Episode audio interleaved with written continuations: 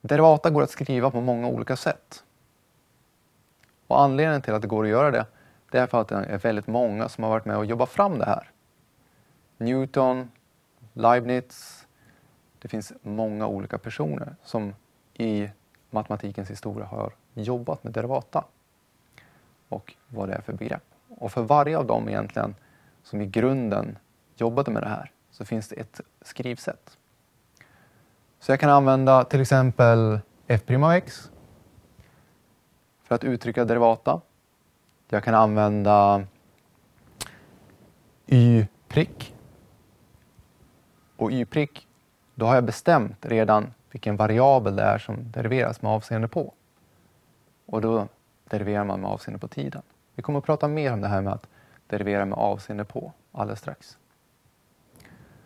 Jag kan skriva stora D för f av x eller stora D för y. Det visar bara derivatan för det som kommer efteråt.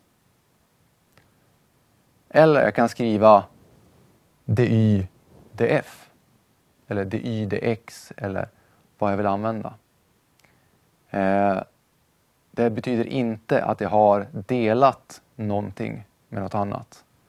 Utan det betyder derivatan av det övre, det vill säga d F, om vi skriver det, blir derivatan av funktionen f med avseende på variabel x, om det är det som vi har, dx. Då. När man säger med avseende på, ja, har vi bara en variabel, ja, då behöver vi oftast inte hålla på och säga att det är det som vi deriverar med avseende på. Men finns det fler variabler? Det kan vara x, y, kanske z. Vi kanske har eh, en variabel som är a. Så att vi har flera olika i vår funktion. Ja, då måste jag säga vad är det för någonting som jag tittar på? Hur det här, när det förändras, hur funktionen förändras utifrån det. Allting annat som jag inte tittar på hur det förändras räknas då som konstanter. Därför är det viktigt att om man har flera, eh, flera variabler att man berättar, jag tittar på hur den här förändras. Då kan jag använda dfdx eller y-prick om det är med eh, tiden som den förändras